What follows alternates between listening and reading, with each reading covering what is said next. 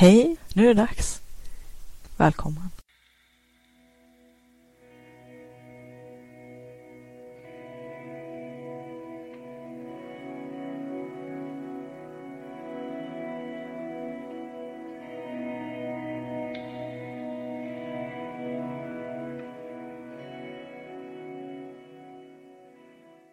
Vill du uppleva mera kreativitet och flow, få mer kvalitetstid till ditt skapande och kreativa liv, mer energi och lust, tillgång till dina kreativa superkrafter? Då har du kommit helt rätt. Välkommen till Kreativitetspodden. Hoppas att du ska ha en trevlig lyssning. Det här är avsnitt 12 i podden. I förra avsnittet så pratade jag en hel del om det här med att eh, varje kväll tänka igenom innan man somnar tre saker som man faktiskt har gjort och tre saker som man är väldigt tacksam för. Och det är ett bra sätt att eh, få kontakt med eh, de här positiva sidorna i livet, även om att eh, det ibland är lite kämpigt. Helt klart.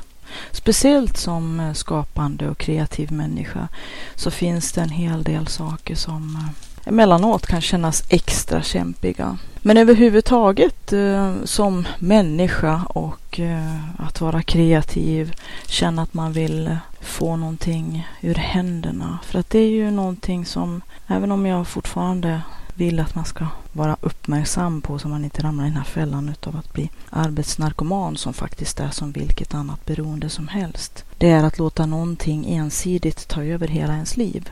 Och att det i andra änden, när man sysslar med sånt som man verkligen älskar, lätt eh, kan vara att man hamnar i den så kallade honungsfällan.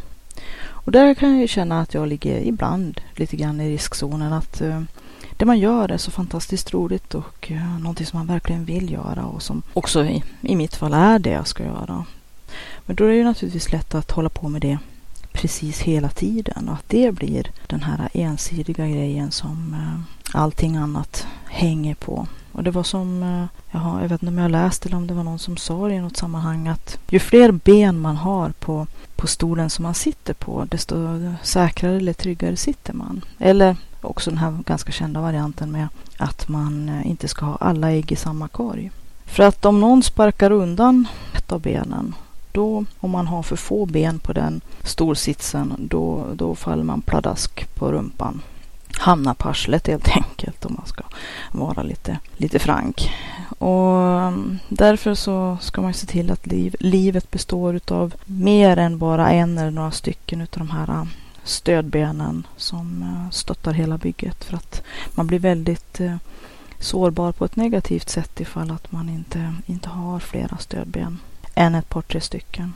Och eh, någonstans, även om man älskar det man gör, och, eller om man inte älskar det man gör, man eh, behöver ju ha tak över huvudet och mat i magen. Det är ganska bra att kunna betala sina räkningar. Så många jobbar ju för att, för att få in till sin försörjning. Men man ska ju faktiskt eh, arbeta för att leva och inte leva för att arbeta. I en del personers fall, som i mitt fall, så, så kan det ju vara svårt när ens hobby och ens intresse och det man verkligen brinner för helt eller delvis också är ens arbete. Man kan ju lätt hamna i honungsfällan eller som min man brukar säga. Han hade ju ett väldigt eh, starkt elektronikintresse när han gick i skolan men när han började jobba med elektronik på sitt jobb så dog hobbyn lite grann. Att, eh, gör man om det till ett jobb då är det väldigt lätt att det inte längre är det här nöjet, inte är den här, det, här, den här, det här hobbyintresset, den här ventilen i vardagen, guldkanten, någonting att få, få nörda ner sig i och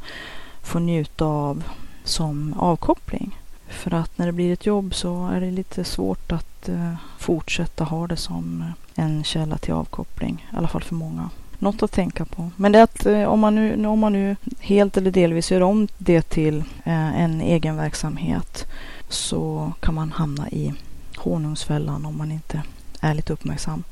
Jag har skrivit en hel del om det i boken Skapa och sälj som jag verkligen kan rekommendera för alla som, som är eller tänker bli egna företagare är eller blir entreprenörer som skapar någonting som de i högre eller mindre utsträckning vill eh, tjäna lite pengar på. Kanske bara tjäna pengar för att få ihop till, till kurs, kurser och material till sitt eget skapande. Eller kanske hela och delar av sin inkomst. Den, den boken passar för alla. Och där skriver jag en del om det här med honungsfällan också. Eh, jag pratade om det här med eh, att eh, tänka igenom tre saker som man har gjort under dagen och tre saker som man är tacksam för. Och det gör ingenting heller faktiskt att eh, om man för sig själv tänker eh, vilka saker man har som man är, som man är tacksam för så, så är det också tillåtet att vara tacksam för samma sak som man var kvällen innan. Till exempel att man har hyggligt god hälsa och för sina nära och kära och vad det nu kan vara för någonting. Att man har tak över huvudet och mat i magen idag också. En annan sak som eh, jag pratade om i förra avsnittet det var ju det här med morgonsidor. Att det kan vara jättebra att ha ett eh, litet kräkseminarium. Och vill man läsa mera och fördjupa sig om det så ska man eh, kolla upp Julia Cameron, Cameron med C. Hon har skrivit en hel del om kreativitet och om skrivande och om skapande. Men mest av allt om kreativitet. Och hon använder de här morgonsidorna som ett aktivt verktyg varje dag och rekommenderar alla att göra det. Och jag gör det också. Men eh, jag föreslog att man skulle kunna köra en kombo där. Att eh, göra ett streck längst ner i, sin, i sina morgonsidor varje dag och fylla i vad man har gjort tre saker och tre saker som man är tacksam för.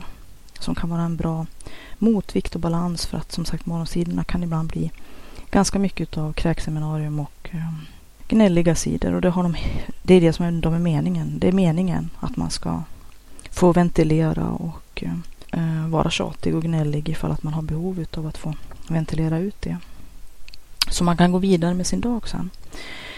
Eh, ytterligare ett litet tips. Det kan ju vara att eh, planera för morgondagen. Jag eh, pratade ju Eh, i ett tidigare avsnitt om eh, vikten av att eh, sätta sig ner med sig själv, lära känna sig själv, vara sitt autentiska jag, komma i kontakt med vilka önskningar och behov och drömmar man har.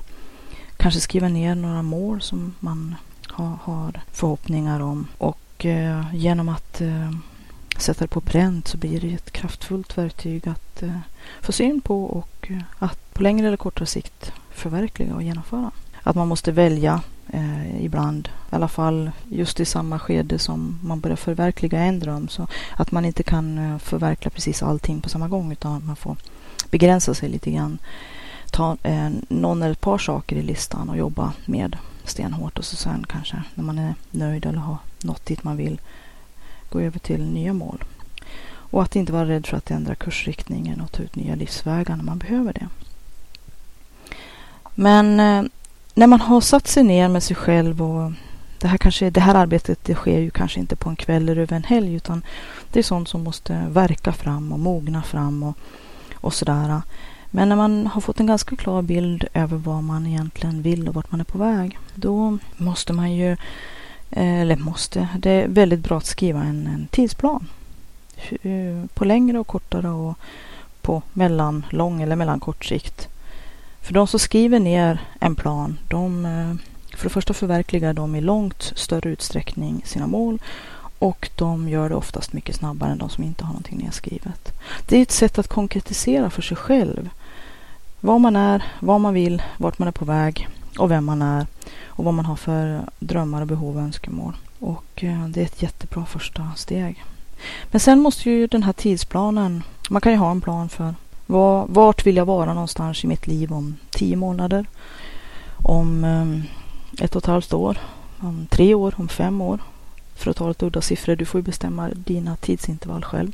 Och att det kan vara bra att eh, både titta på nära sikt, det som jag pratade om förut, att försöka lösa de omedelbara problemen och, och mer och mer arbeta bort alla de här eh, akuta brandkårsutryckningarna och det här som stjäl så mycket energi eh, helt i onödan oftast och som gör att vi, att vi har väldigt stora hinder om vi vill verkligen komma loss med vårt liv och vårt skapande och vår kreativitet. Till slut i alla fall när man har den här tidsplanen och en ganska konkret bild av vad man vill åstadkomma och hur och när då är det ju lämpligt att bryta ner det i mindre steg.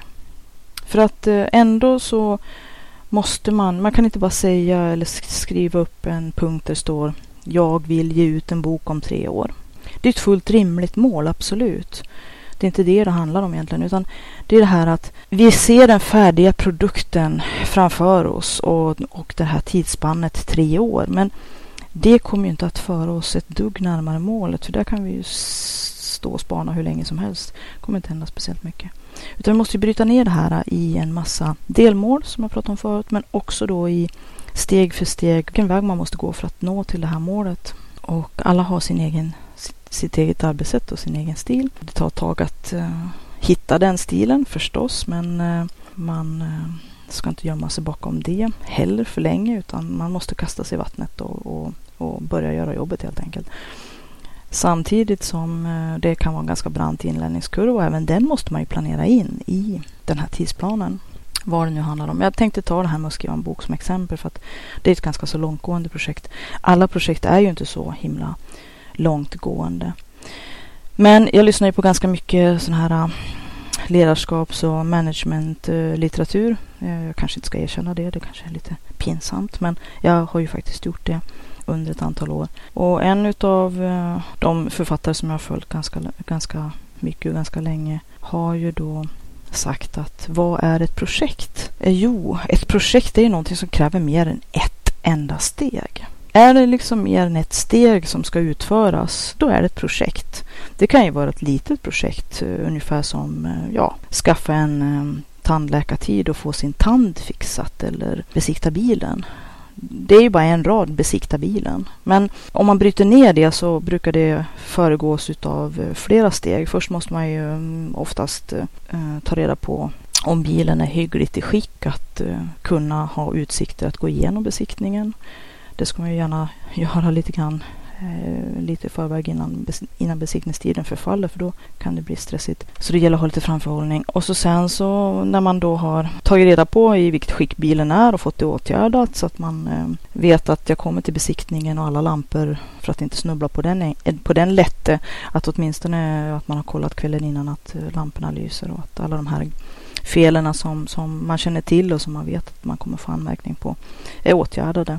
Men då är det ju dags att ta fram eh, telefonkatalogen eller eh, googla fram ett telefonnummer. Så att här, redan här, innan man ens har kommit till besiktningen så märker man ju att det är en jättemassa steg. Ta reda på hur bilen är i för skick och reparera det som måste fixas och, och sen ta reda på numret och sen kolla i sin egen kalender. När kan jag åka och besikta bilen? Vilka tider finns det att välja på? Och så sen ringa eller boka via nätet eh, en tid och sen skriva in det i sin kalender. Passa den tiden och den dagen ta ledigt en timme från jobbet kanske och så åka och besikta bilen. Ibland brukar det bli efterarbete. Det är någonting som inte går helt igenom eller som man får en anmärkning på så måste man eh, fixa det hemma och kanske till och med göra en ombesiktning. Så bara det lilla enkla, den, den raden, besikta bilen, är en ganska lång räcka utav, utav steg som måste vidtas. Och stegen, det är enkla steg eftersom att de är ganska logiska och har man haft bil ett tag så vet man ju ungefär hur trallen går. Så att eh, eh, det, det, är en hel del steg. Mycket av den här, de här projekten, de här små projekten, de gör vi ju direkt i skallen eftersom att vi, vi har gjort dem förut. Vi kan trallen, vi har rutin för det. Vi behöver inte skriva en checklista för det. Men, men eh, många gånger kan det också vara så att vi blir helt paralyserade. Även utav ganska små eller ja, projekt som kanske inte skulle behöva skrämma skiten ur oss egentligen. Men eftersom att vi hela tiden bygger på de här mentala murarna och skjuter upp saker och så sen så lägger vi ihop alla de här små diffusa orosmolnen och stressbomberna till ett jättestort moln av stress och oro som vi inte bryter ner och inte, inte försöker bena ut vad det egentligen är.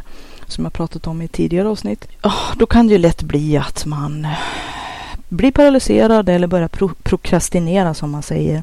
Helt enkelt ägna sig åt distraktioner och avledningsmanövrar, ursäkter, kanske ta på sig lite offerkofta och beklaga sig för allt och alla i sin omgivning och bli en gnällig jobbig typ och bedövar sig och så blir de här stressbomberna bara större och större och vi känner ännu, ännu större behov av att eh, distrahera och dopa oss och bedöva oss och fly från problemen och så kan till slut någonting som i, grunden är små skitproblem tona upp sig till att bli helt ofantliga eh, saker som de inte är värda egentligen.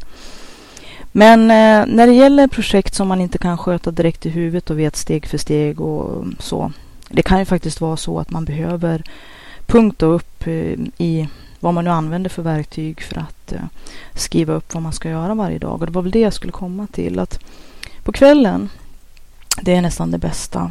Och um, om man inte, inte kan på kvällen, är för trött eller har andra omständigheter så efter att man har klivit upp och duschat, satt på sig kläderna och sitter med kaffekoppen vid frukosten och kanske har några minuter extra kanske i samband med att man skriver eh, sina morgonsidor och får, får liksom avreagera sig lite grann. Och där kommer ju också ganska mycket av de här eh, små stressbomberna, det här diffusa orosmolnet som man då sitter och skriver och försöker bena ut och kräks ur sig och, och liksom håller på eh, liksom ondgör sig över och så sen ser man ju, det brukar faktiskt utkristallisera sig ganska bra då vad man egentligen brottas med för problem på konkret nivå.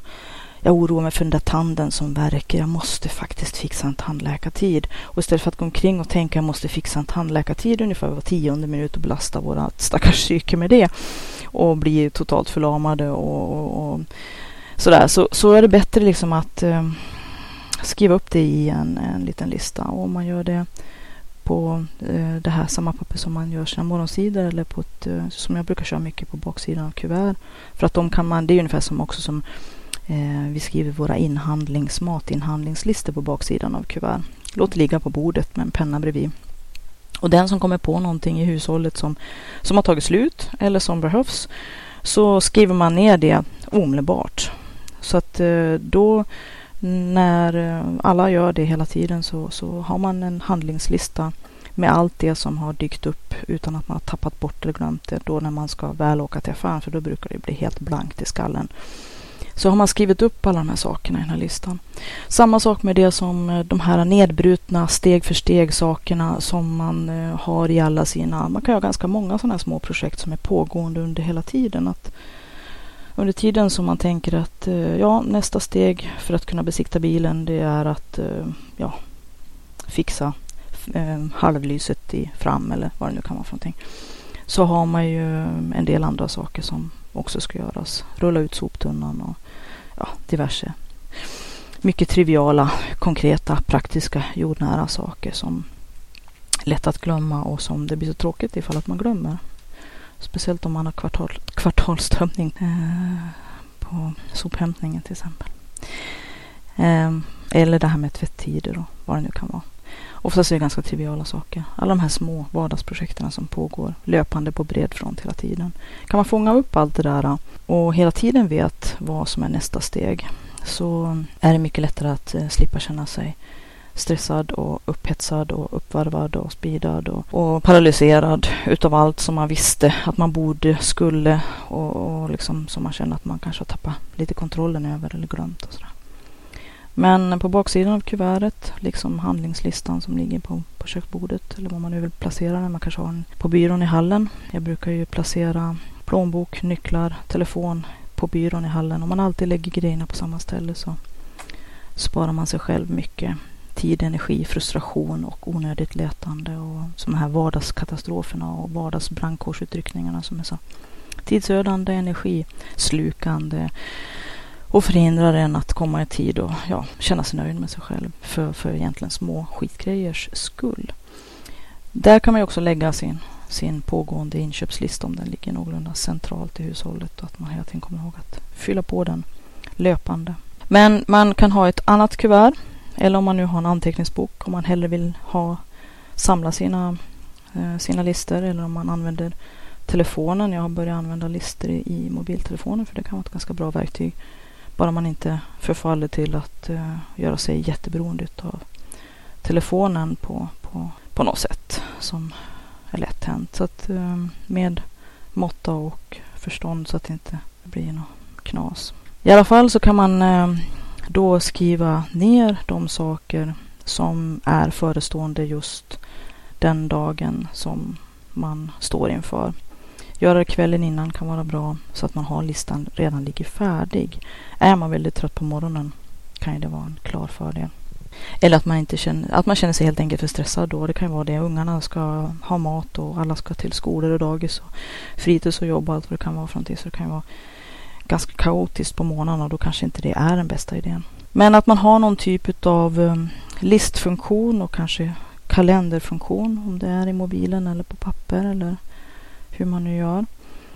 Så fyller man i den här ah, vad ska jag göra idag? För att komma ett steg lite närmare den här drömmen, den här visionen, det här som jag önskar och vill. Och få det att få plats i min vardag. För att eh, ofta springer vi ju som torra skinn och, och, ja, vi håller väl det mesta flytande och näsan ovanför vattenytan. Igen det här med brandkårsutryckningar och, och sådär. Men ju mer man springer omkring som en yr höna, ju mindre effektivt är det ju och eh, ju mindre tid för det som kanske egentligen känns, ja, kanske inte som det viktigaste, men ganska viktigt för att man ska få ett bra och tillfredsställande liv. För att få utrymme för också sina behov, önskningar och drömmar. För sin kreativitet och skapande som den här podden handlar ganska mycket om. Då måste man ju hitta sätt att eh, strukturera och ordna inte bara sin faktiska omgivning som jag pratade om i något av de tidigare avsnitten. Just det här med att om man måste leta efter en sak en halvtimme eller en halv dag, då har man redan, ja, för mycket tid har gått och man har tappat sugen och ingenting kommer att bli gjort. I alla fall inte så lätt att det blir liksom mer ovanligt att man faktiskt kommer igång eller verkligen förverkligar de här idéerna som man har gått och, och grunnat på. Och då blir man ju liksom missnöjd och ledsen på sig själv i långa loppet på ett sätt som kan vara ganska nedbrytande och negativt och göra att man förlorar eh, livsgnistan och känner att eh, ja, man känner att man har svikit sig själv och det är ingen bra känsla. Så att eh, genom att bena ut vardagen ungefär som sin faktiska omgivning, strukturera upp den lite grann och försöka bli lite mera eh, framåt och Eh, göra det på ett effektivare sätt så skapar man utrymme i sin, eh, i sin kalender av sin tid. Dygnet har ju, på det viset är, ju, är det ju väldigt demokratiskt. Dygnet har bara ett 24, 24 timmar och eh, veckan har bara sju dagar och året har 365 dagar. Och så är det för alla. Men eh, att använda de här timmarna varje dag på ett eh, vettigt och tillfredsställande sätt. Det är det som är utmaningen. Och har man då kanske den här grova planen vad man vill åstadkomma på tio månader, ett och ett halvt år, tre år, fem år, tio år, vad det nu handlar om. Då, eh, var vill jag vara någonstans om tio år? Om man liksom skaffar sig helikopterperspektiv som de brukar säga. Vilket kan vara väldigt bra för att eh, man inte ska känna att nej men jag kan göra det sen och jag ska fixa det. Visst, jag ska minsann förverkliga bla bla bla och så där åren går. Utan vart vill jag vara om tio år? Om man då benar ner det i vad måste jag göra varje, mån varje år och varje månad, varje vecka, varje dag för att nå det här målet. Man kan ju börja först med den grova planeringen, vart man vill vara på lång sikt och hur man eh, ritar upp de här delmålen på, på, på mellan eh, lång sikt, månadsvis till exempel. Och så sen så får man bena ut det mer i detalj. En bra metod kan ju vara att eh, beroende på hur ens livssituation och vilken typ av person man är, att sätta sig en gång i veckan och eh, ha ett eh, litet eget internt planeringsmöte på en halvtimme eller vad det kan vara. Där man kollar den här veckan, vad, vad vill jag åstadkomma då för att komma ett litet steg närmare min, min, min dröm. Um, så att om man gör det på fredag kväll till exempel, det kan ju vara ganska bra avrundning utav arbetsveckan.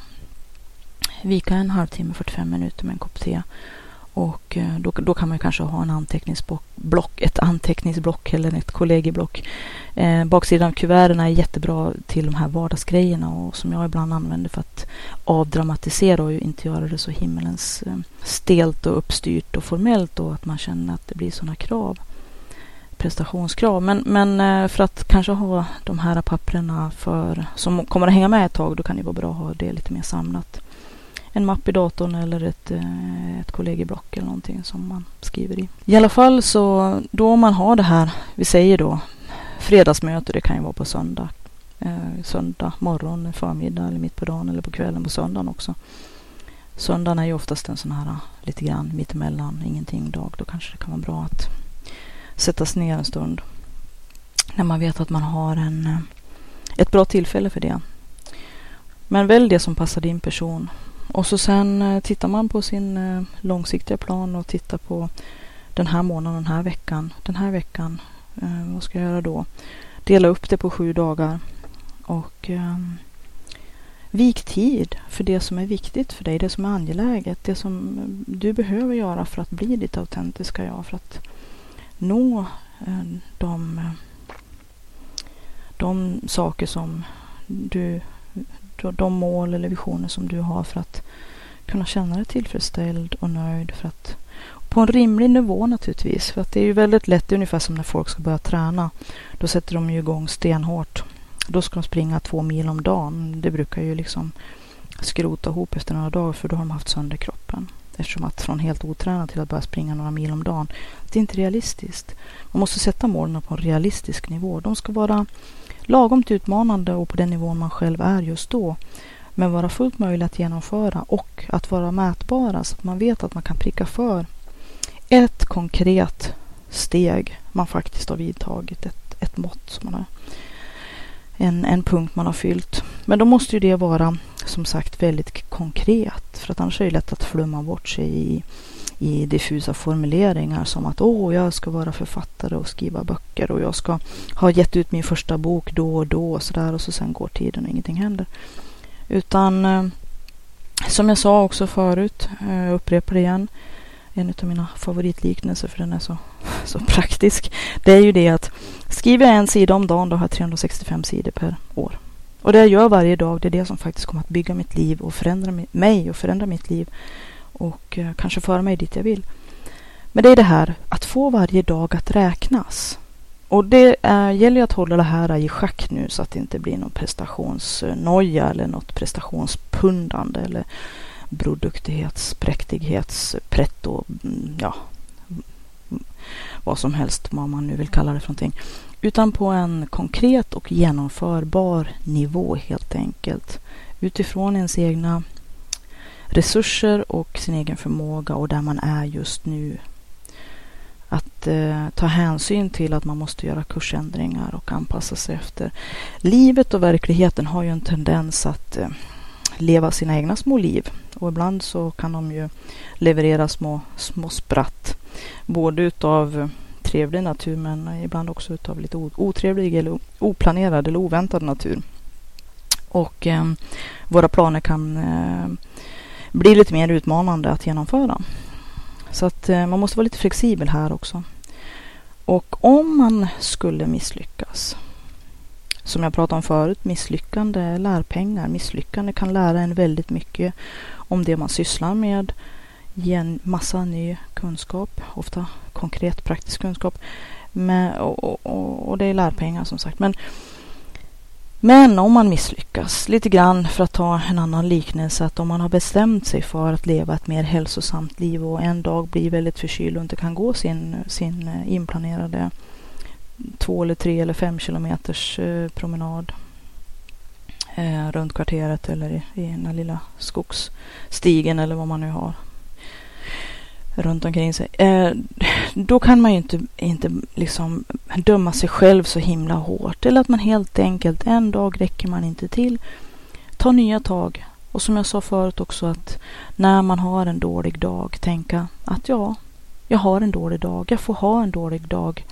Det blir en ny dag imorgon. Men utan att sätta på sig offerkoftan och helt, helt bli sittande på arslet. För att Liksom. Men, men liksom, ibland har man perioder när livet inte funkar så bra. Man får vara förlåtande mot sig själv. Och ibland måste man ha återhämtning för att det är saker som har frestat mycket hårdare på ens krafter än vad man har trott eller som man har tänkt och planerat. Och livet som sagt och verkligheten levererar ibland en del paket som måste tas om hand om. Eh, så. Och då kan man behöva lite mera återhämtning eller lite mera tid någon annanstans. Som eh, inte var, ingick i planen från början. Och det får man ha lite förståelse för. Eh, men inte som till exempel den eviga bantaren som ska börja på måndag. Och så fort de har ätit eh, någonting som inte ingick i deras naturligtvis jättestrikta plan som är helt orealistisk eh, sådär. Som inte, inte tillåter några som helst eh, liksom, eh, misstag eller eh, någon som helst eh, flexibilitet. och som kanske ibland också är rent av fanatiskt orealistiska. Men då så fort som den, en chokladbit landar i munnen som inte var planerad, ja då skrotar ju alltihop och de lägger allt på hyllan och vräker i sig två kilo choklad bara för att, eh, ja ska man säga, eh, ge utlopp för eh, en, en missnöje och att man inte kan förlåta sig själv och en massa saker istället för att borsta av sig och säga okej. Okay, det var, jag slirade ut lite planteringar men det blir en ny dag och jag skärper till mig. För att eh, annars så, så, kommer man ju aldrig att kunna nå sina mål om man så fort man stöter på patrull första gången bara kastar ifrån sig allting och, och, och ger upp liksom. Det, man måste ha en viss uthållighet. och det är väl där som jag tror att det brister för väldigt många personer. Dels att man är så dömande och har orealistiska förväntningar och krav på en massa saker och sig själv. Och så sen eh, bara slänger ifrån sig när det inte går enligt förväntningarna. Att man måste ha den här, det här tålamodet och eh, flexibilitet och förlåta sig själv ibland och tillåta sig unna sig kanske ibland att göra ett avsteg ifall att det är det som får en att hålla planen i stort sett. Och kanske som jag pratade lite grann tidigare, fira när man verkligen har gjort en bra sak. Komma ihåg det. Det är därför de här tre sakerna varje kväll innan man somnar, att tänka vad har jag gjort idag? som, som kan stärka en. Att okej, okay, allting blev inte perfekt, allting blev inte som jag hade tänkt och vissa saker ja, föll utanför planen eller, misslyckades med. Liksom, misslycka är ett väldigt negativt laddat ord. Men, men eh, vissa saker gick inte efter plan. Men så what. Imorgon är en ny dag. Jag laddar för den och jag har i alla fall gjort de här tre grejerna. Och eh, även om det är små saker så är det någonting. Det är bättre än att bara ge upp och liksom lägga sig på marken och liksom eh, som en treåring och banka med händer och fötter och skrika. Liksom. Det kommer inte leda någonstans. Även om att ibland känner man ju verkligen att man bara vill göra det. Och det är fullt mänskligt. Och det kan man tillåta sig. Ha mm, en riktigt negativ eh, stund.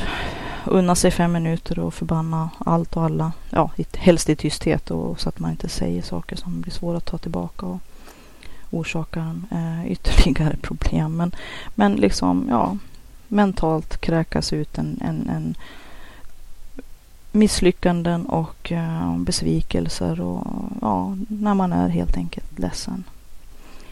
Men låta det ha en viss bestämd tid liksom.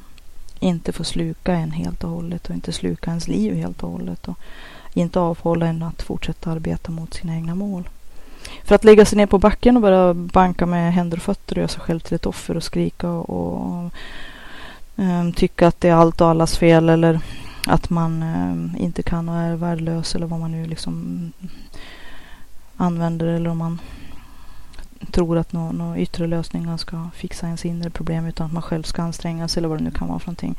Vi har ju så många egendomliga sätt att reagera på motgångar och och eh, sånt som kan kännas påfrestande och ansträngande. Och alla är inte så eh, konstruktiva. Tvärtom, en del kan vara väldigt kontraproduktiva och faktiskt sänka oss själva mycket, mycket mer. Och för att eh, ja, det är svårt att vara människa, absolut. Men eh, om man har lärt känna sig själv och sina egna mekanismer eh, lite mer och kan eh, kanske kan parera de värsta mest eh, icke-konstruktiva mekanismerna och reaktionerna och saker som man gör när man är när man får ut i vredesmod eller i besvikelse, missnöje.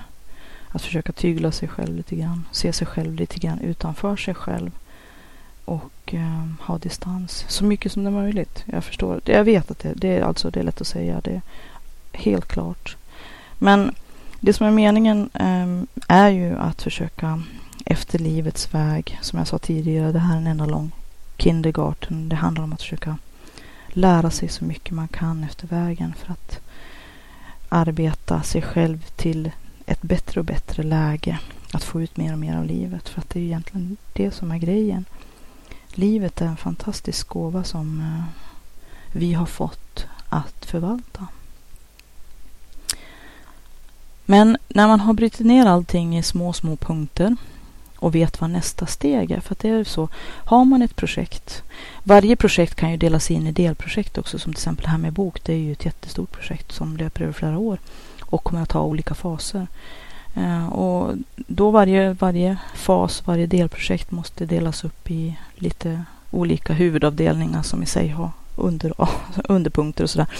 Men vad kan jag göra idag för att komma lite närmare mitt mål? Det kan ju vara efter att man kanske har gått lite skrivarkurser som man har bestämt och man har skaffat lite böcker och man har läst lite om hantverket. Man kanske har gjort en hel del skrivövningar. Eh, att läsa hantverket och att lära sig eh, den här inlärningskurvan när man ska göra några nya saker. Ehm, och eh, att man måste göra en hel del skisser som jag har pratat om tidigare innan man kommer till, till lite mer skarpt läge. Så sen när man väl har kommit över all den här inlärnings och utvecklings och att hitta sin, sin egen röst och sitt eget språk kanske.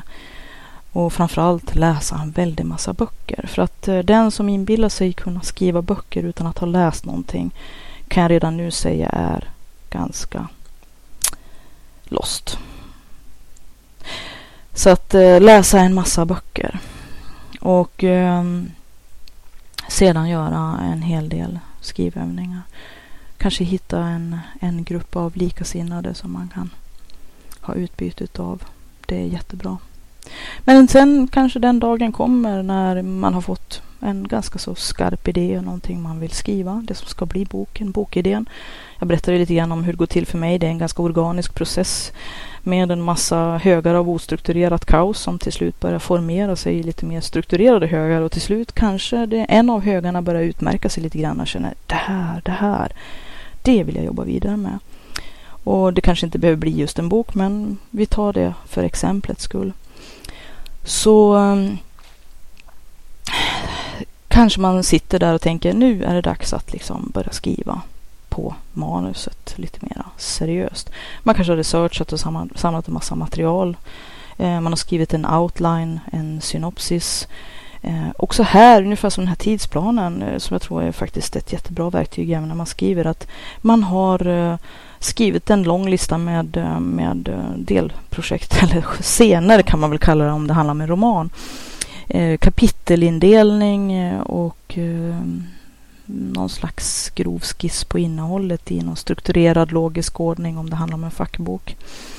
Ehm, så att under varje, varje sån rubrik så är det ju bara att börja skriva, att fylla i och man behöver ju inte absolut göra det i, i från 1 till 100 i logisk ordning från A till B och, och fram till Ö utan Eh, som jag brukar göra också, speciellt när det börjar bli lite kärvt, att jag skriver de enkla och lustfyllda bitarna när jag kommer in i lite svårare perioder där jag kanske tvekar eller sviktar eller tvivlar eller resten av livet tränger sig på och gör att jag inte är i mitt bästa läge, mitt bästa jag. Att jag då unnar mig att skriva de här äh, antingen enklare delarna eller de roliga delarna och fyller dem de luckorna i den här äh, långa listan utav scener eller kapitel och äh, underkapitel. Vad det nu handlar om för någonting. Men till sist så kommer det att handla om att avsätta tid. Att eh, bestämma när och hur, hur mycket, hur ofta och på vilket sätt jag ska skriva. Om jag bestämmer mig för att skriva två gånger i veckan, en timme i stöten eller om jag bestämmer mig för att skriva en kvart varje dag eller eller vad man nu bestämmer för någonting. Det beror på hur man fungerar. En del personer måste ha ganska lång startsträcka innan de kommer igång. Och eh, sen vill de ösa allt vad de har för att eh, ta vara på tiden. Eftersom att det tar ganska lång tid för dem att komma i läge. Och en del de, de eh, jobbar bäst om de får jobba när de är fräsch och, och köra järnet under en kort stund när de är på topp. Gör hur du vill egentligen. Bestäm dig för en viss tid regelbundet. Det är nog det viktigaste och eh, att, att uh, sätta upp jag är lite splittrad kring att sätta upp um, specifika mål kring hur mycket. Uh, det här, här funkar vi ju väldigt olika. En del de vill verkligen ha uh, en, en tabell i, som de fyller in i Excel. Då, hur många sidor eller tecken eller ord de har skrivit varje dag för att känna att de håller sig till, till målet. Om man räknar ut hur många, hur många sidor eller ord eller tecken man har tänkt sig att man vill åstadkomma på en viss tid så kan man ju dela upp det med antalet tillfällen och, och vet hur mycket man ska skriva. Om det handlar om en A4 eller om det handlar om tusen tecken eller om det handlar om tusen ord. Alla är vi olika som sagt. Hitta din stil som funkar för dig. Men det viktiga är ju att faktiskt komma till skott och göra det, det, det här arbetet på riktigt konkret. Uh, och ehm, då kan det ju faktiskt hända att man kommer till den punkten att man inser att min vecka, mina dagar är packade. För det är ju också ganska mycket av det här svepskälet som alla använder sig av när de liksom egentligen inte vill ta tag i någonting som ändå är någonting de vill. Det är det att jag har inte tid, jag har inte tid, jag är så stressad, jag har inte tid, jag har inte tid, jag är så stressad. Men då kan det ju vara läge att uh, inte bara, som jag pratade om tidigare, rensa i röran hemma utan också att rensa i röran i, sitt, uh, i, i, sin kalender. Hur används och fördelas uh, din tid nu?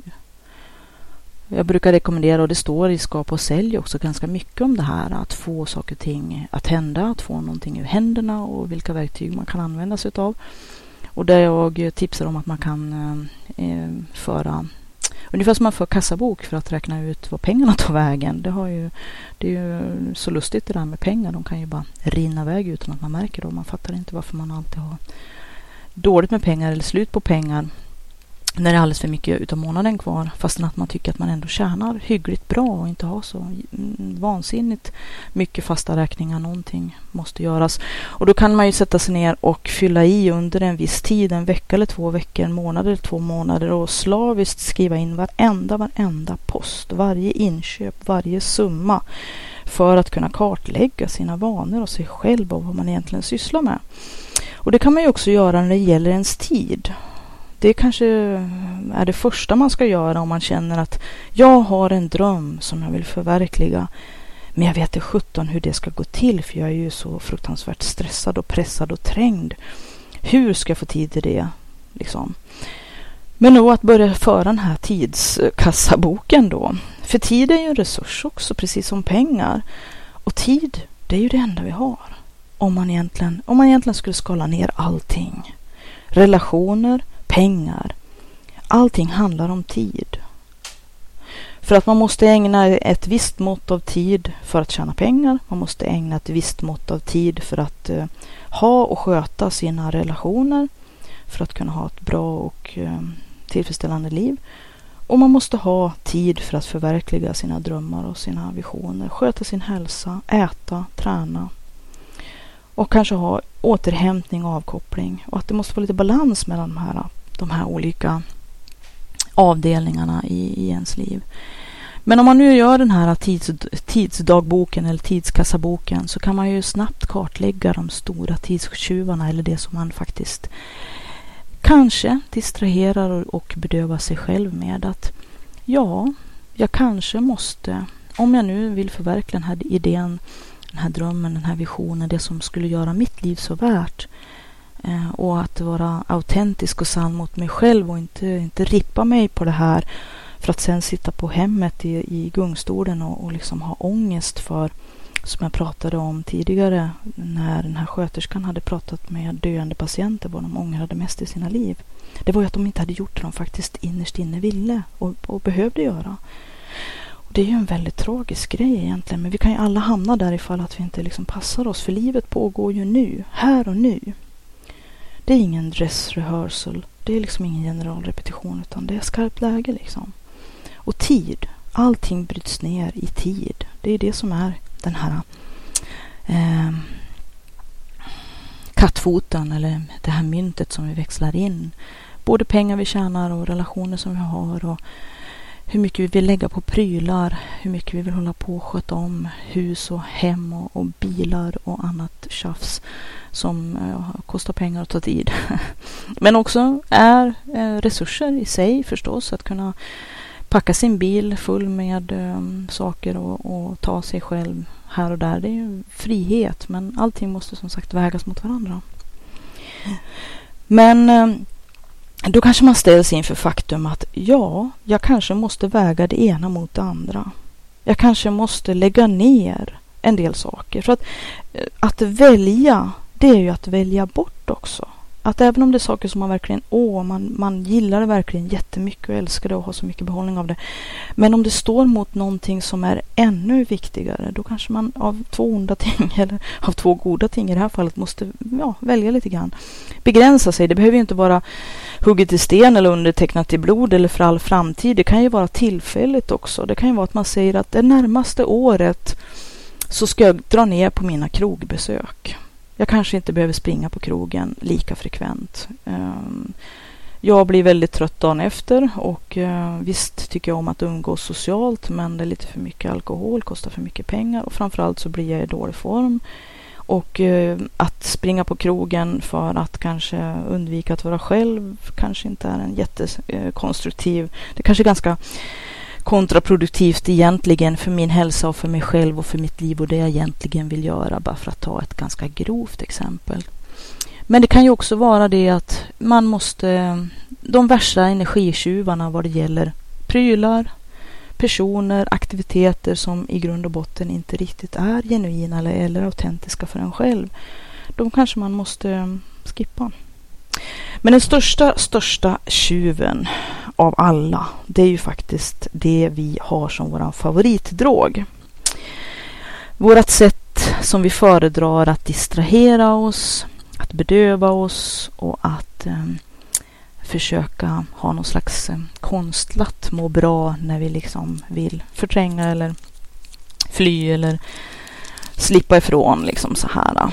Eh, och jag tror att tv-tittande kan vara en sån bov.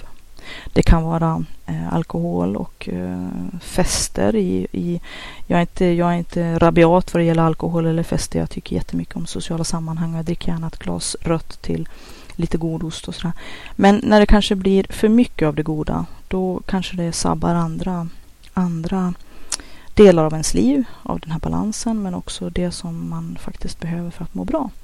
Eller för att kunna känna sig tillfredsställd och nöjd med sig själv, att man har uppnått eller går åt det hållet man har bestämt och som man vill. För att eh, i slutändan leda till den man vill vara och där man vill vara om tio månader, ett och ett halvt år, fem år eller tre år eller tio år. Beroende på.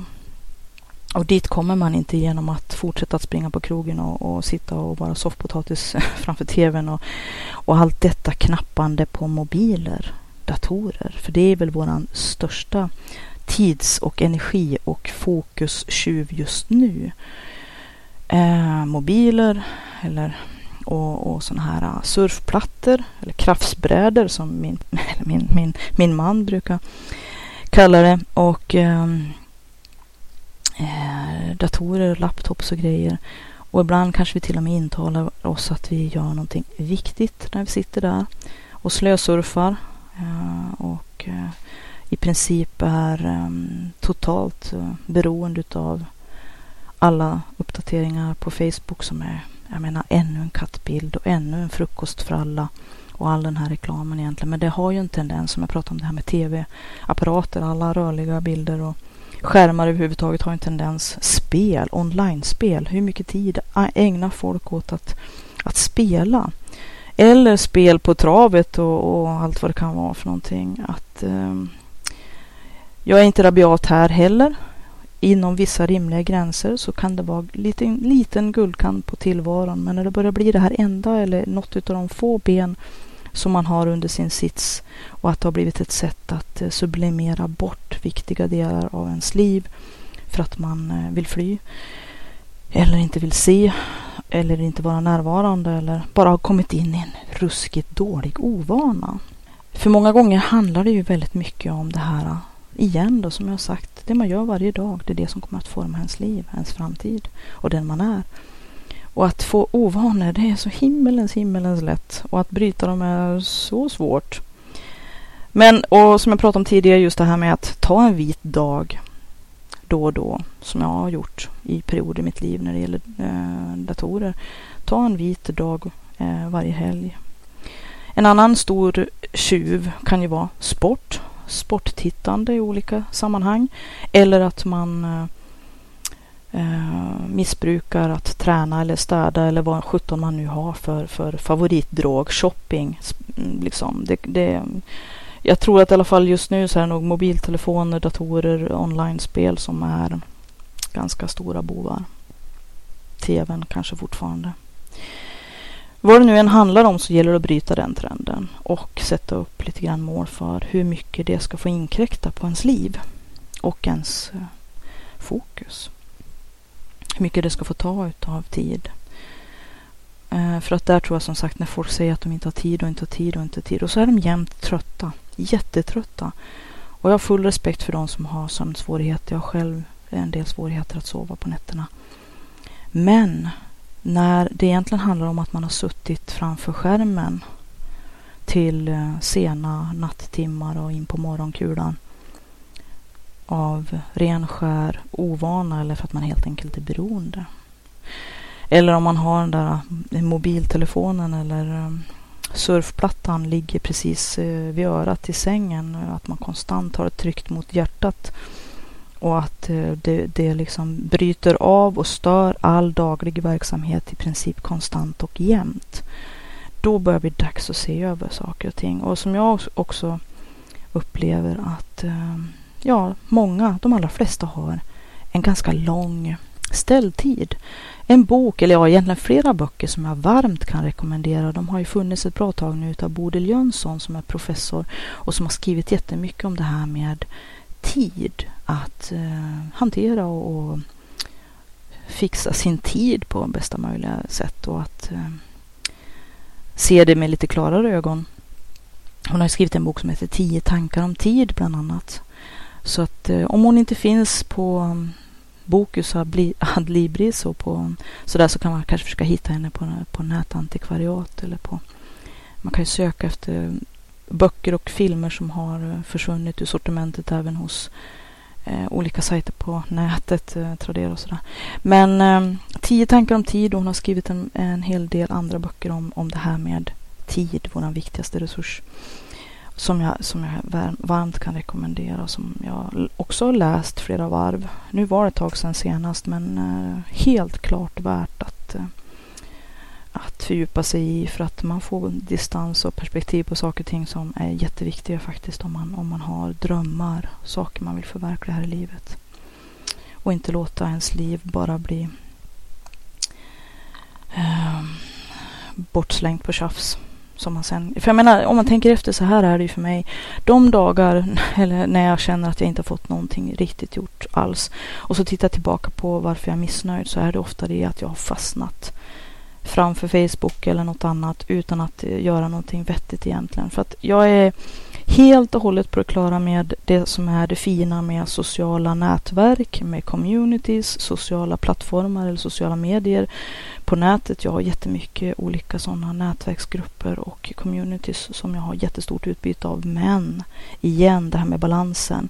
Väldigt, väldigt lätt att råka fastna och hamna där. Ungefär som det här med tv-program som jag pratade om förut. Att man har bestämt sig för att titta på ett, ett speciellt program. Man har bestämt sig för att skicka några mejl och att man ska upprätthålla några av ens sociala kontakter och nätverka lite grann. Men sen så fastnar man ju och blir kvar hela, hela kvällen. Och så sen så känner ju i alla fall jag att nej, det här gick ju inte så speciellt bra. Jag är inte så speciellt nöjd med mig själv med det som hände. Och där måste man ju liksom ha, vara observant, ha koll på sig själv. Och det här med ställtiden gör ju också att om man ska försöka förverkliga någonting måste man ju ha odelad, regelbunden, avsatt tid för någonting där man blir tillräckligt lämnad i fred för att faktiskt kunna fördjupa sig och göra det som man eh, önskar, drömmer, tänker att man vill göra, hoppas på.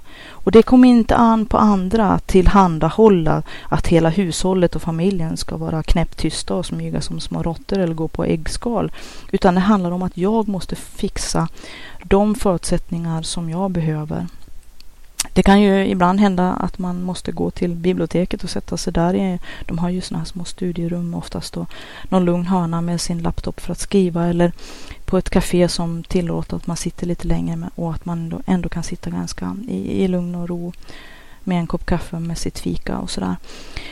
Eller att man eh, har en rum eller ett vrå eh, någonstans där man kan få vara fred, fredad eh, en viss tid som man har kommit överens med sin familj och sina nära och kära. Att man har avtalat att man ska göra det här. Då. Men då handlar det också om att faktiskt göra jobbet seriöst. Att man inte då har telefonen som plingar och plångar och sms och telefonsamtal som bryter hela tiden. Att vara kall och stänga av telefonen, i alla fall ljudsignalen. Inte hålla på och stirra på sin skärm efter mail, inte ha plingljud från eh, Facebook-uppdateringar och mail som kommer in och en massa tjafs som det är så himla lätt att ha som avledande manöver att distrahera sig med. Att det är väldigt lätt att börja pro prokrastinera bara för att man har dåliga vanor. Eller har, det är väldigt lätt att ha de här ovanorna, tro mig. Så att stäng av allt som plingar och som stjäl din uppmärksamhet. Till och med koppla ur internet ifall att du märker att du inte kan avhålla dig. Och stäng av telefonen, lägg den i ett annat rum med avstängd signal. Tala om för alla. Då och då skriver jag. Då kan jag inte nås. Tala in ett meddelande, skicka ett sms, jag kollar upp det sen. Faktiskt, att vi får den där Facebook-uppdateringen om den här frukostfrallan, den här kattbilden. Livet hänger inte på det. Vet man att man har en anhörig som är på sjukhuset eller någon, något besked som man måste få så kanske man kan eh, göra undantag naturligtvis. Allting i livet och verkligheten här är inte sådär. Men för det mesta, de allra flesta människor har inte så akuta, angelägna saker att de måste vara klistrade vid sin mobil hela tiden, som en del är. Och oftast förlorar de fokus både på omgivningen, relationerna och människorna runt omkring dem som borde vara deras nära och kära. Att eh, det är oerhört eh, faktiskt ouppfostrat, ohyfsat, oartigt, nonchalant, att ett respektlöst bemötande, att inte se de människorna som faktiskt är i rummet med den just här och nu. Att någon som plingar en kattbild på Facebook plötsligt blir viktigare än de människorna som man lever med och som man älskar som finns här och nu. Att se dem, se dem i ögonen, ha den odelade uppmärksamheten på de människorna som man sitter och umgås med. Prata med dem och inte sitta och hela tiden att blicken glider iväg på tvn eller på mobilen och att man sitter och lite frånvarande spelar eller knappar. Jag har sett en del ganska gräsliga skräckexempel på det. Så att bli inte den människan. Och det brukar vara så att de flesta inte fattar det här förrän de själva har råkat ut för det i, i mottagande riktning. Att någon som, som de kanske just då sitter och berättar någonting oerhört, oerhört angeläget för, någonting som betyder nästan allt för dem. Och en person plötsligt bara glider iväg med blicken och tittar på sin mobil och, och liksom är totalt frånvarande. Man märker att de inte lyssnar. När man kanske berättar någonting som, som, som kan vara det viktigaste som man har sagt någon gång till dem. Det, det är faktiskt jävligt, jävligt surt. Gör inte det, bli inte den människan. Men framförallt, rippa inte dig själv på tid, energi, fokus och uppmärksamhet. Den här ställtiden, att varje gång det plingar eller någonting som ska kollas eller någon man ska prata med eller någonting som bryter av ens eh, medvetande och tankeflöde när man sitter och skriver, om vi nu har det som en fortsatt eh, exempel här så kan det ju ta, för de allra flesta människor tar det ett antal minuter att sen komma tillbaka, komma ner djupt i det här skapandet, i den här processen, i den här kreativiteten. Om man gör så hela tiden, blir avbruten, då får man inte mycket gjort, det händer inte mycket. Man kommer aldrig ner på de här djupa nivåerna där magin sker, när man hamnar i flow, tiden bara försvinner. Om, om man efteråt kan tänka, men gud, har jag gjort det här? Det är ju helt otroligt egentligen. Och det gör man inte om man inte har, har gjort eh, sin del utav avtalet faktiskt. Tagit sitt ansvar för sig själv och för sitt eget liv. Och i förlängningen tror jag också får ett, ett mycket bättre liv, mera kvalitet. För att eh, vem kommer att räkna all, all tid som man har suttit och scrollat och slösurfat Facebook när eh, man ligger där i träfracken för det är ju också det, om man tänker tiden, är ju egentligen den här valutan, den här kattfoten. Det vi, mm, växlar in allting i, både pengar och relationer och prylar och allt vad det kan vara för någonting. Eh, men eh, döden, den är också ganska demokratisk, precis som tiden. Vi kommer alla, alla att eh, hamna i träfracken. Och när man ligger i träfracken så spelar det ingen roll vad för prylar man lyckades eh, gama åt sig, hur mycket pengar man hade och, och sådär. Utan det är vad gjorde jag för världen? Vad gjorde jag för andra människor? Vad kommer jag att bli ihågkommen för? Vad är mitt arv till världen, till de efterlevande, till mina nära och kära, de som kommer att komma efter mig. Och det är ganska tunga prylar att tänka på så här en torsdag. Men eh, helt klart värt att eh, kanske när man börjar närma sig eh, lite mera djup i sig själv, att man vågar möta de här frågorna för att möta sitt autentiska jag. Börja fundera lite grann på, på det, för det är angelägna frågor. De gångerna jag känner mig riktigt missnöjd eller känner att allt är meningslöst eller att jag är kanske förbannad på andra människor eller de här yttre omständigheterna som jag tycker då inom citattecken sabbar mitt liv eller det jag vill göra. Så där ibland kommer man in i sådana här små offerkofte eh, skov. man gör ju det, man är inte mer människa. Det som jag har märkt är det bästa botemedlet mot det. Det är att eh, uppsöka närmsta kyrkogård och sätta sig på en bänk eller bara stå där och se ut över gravstenarna och tänka att alla som ligger här, de hade ett liv och undra hur det livet såg ut. Vad gjorde de eller vad gjorde de inte? Och någon gång kommer man ju själv att hamna där. Och vad vill jag känna att jag då, som jag sa tidigare här, att jag har gjort det som gör att jag kan, jag kan gå i frid. Jag har varit eh, så sann jag kunnat mot mig själv. Det har inte varit enkelt.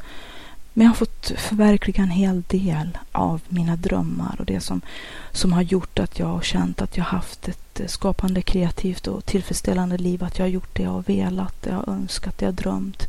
Inom mina egna förutsättningar att både klara av att kunna göra det. Och eh, att jag kan vara nöjd med mig själv på det sättet att jag gjorde det bästa jag kunde. Vad det nu än var i vilken given del av mitt liv eller tid som, som, som jag var i just då. Jag, jag gjorde det bästa jag kunde. Och det måste, måste jag respektera och tänka, det är good enough. Och det gjorde mitt liv värt. Så stäng av mobiltelefonen och titta upp. För världen, den pågår ju just precis nu runt omkring dig. Jag tycker väl det också är en del av problemet för många skapande kreativa människor idag om man nu låter sig sugas in i, i mobiler och sånt. Jag är helt öppen för att använda det, de verktygen och eh, även avkoppling och underhållning. Men eh, att eh, vara klistrad med ögonen vid sin mobil eller eh, klösbräda, vad man nu vill kalla det för någonting, hela tiden, inte se upp. Det är ett väldigt bra sätt att eh, helt och hållet missa livet. Att missa det som pågår här och nu, fylla på sin kreativa källa, se människor, se livets flöde runt omkring en, vara uppmärksam. Även på de små sakerna som jag sa tidigare, att bara sätta sig på en bänk och titta på små, små utsnitt av verkligheten eller det som pågår just då och nu omkring en med sin fulla uppmärksamhet. Eller i skogen, se några kvadratcentimeter utav, utav marken under en. Allt det liv som myllrar där. Som kan ge så mycket uppslag och tankar och idéer och så mycket saker att se och uppleva som man liksom annars skulle vara utestängd för och som man skulle ha blivit lurad på. Så rippa inte dig själv på ditt eget liv. Det är det som är budskapet i hela den här podden faktiskt. Och det som skapande och kreativitet handlar om för mig. Vilka drömmar och tankar och idéer och visioner och vad du behöver göra för att tillfredsställa och känna att du kan gå i frid, det vet ju inte jag. Men du vet. Så ta reda på det. Lev drömmen. Ha det gott. Tills vi hörs nästa gång. Tack för att du har lyssnat på den här podden. Hoppas den var till mycket nytta och glädje. Om du vill läsa mera om Siddharta, gå in på www.siddharta.se där finns också kontaktuppgifter så att du kan till exempel mejla om du har frågor eller kommentarer eller vill ta upp något ämne som du gärna vill höra på podden i framtiden. Välkommen att höra av dig. Kreativitetspodden har också en egen Facebookgrupp så att om du söker på kreativitet eller kreativitetspodden så hittar du kreativitetspodden på Facebook. Anmäl dig gärna där som följare så får du uppdateringar löpande om nya avsnitt och saker som händer på kreativitetsfronten. Du kan också gå in på www.sidharta.se och klicka på länken högst upp till vänster bidra för att se vad du kan göra för att hjälpa den här podden att fortleva och att visa ditt stöd. Så gå in där på bidra så ser du hur det går till. Jag som driver kreativitetspodden heter Katrin Sidharta Tangen och jag är författare, järnsmed, driver www.sidharta.se och Sidhartas webbutik. Jag har skrivit flera böcker, bland annat Skapa och sälj som är en handbok för entreprenörer, kreativa och skapande människor. Jag har skrivit Forntida järn, Ancient Iron, som handlar om forntida järnframställning och eh, vikingatida järnsmide. Jag har även skrivit Pitch 13 som är en serie i genren Dark Urban Fantasy och eh, nu finns även ljudboken för kreativitet och flow enligt Siddharta. Allt detta kan du hitta på www.siddharta.se där du också kan gå in i butiken, Siddhartas webbshop, där böckerna kan köpas till bästa pris. Böckerna kan också hittas på Bokus och Adlibris och på de vanliga ställena där du köper böcker. E-böckerna kan också köpas via Kobo och eh, Amazon med flera ställen där e-böcker säljs. Ha det gott. Tack för att du har lyssnat. Hej då!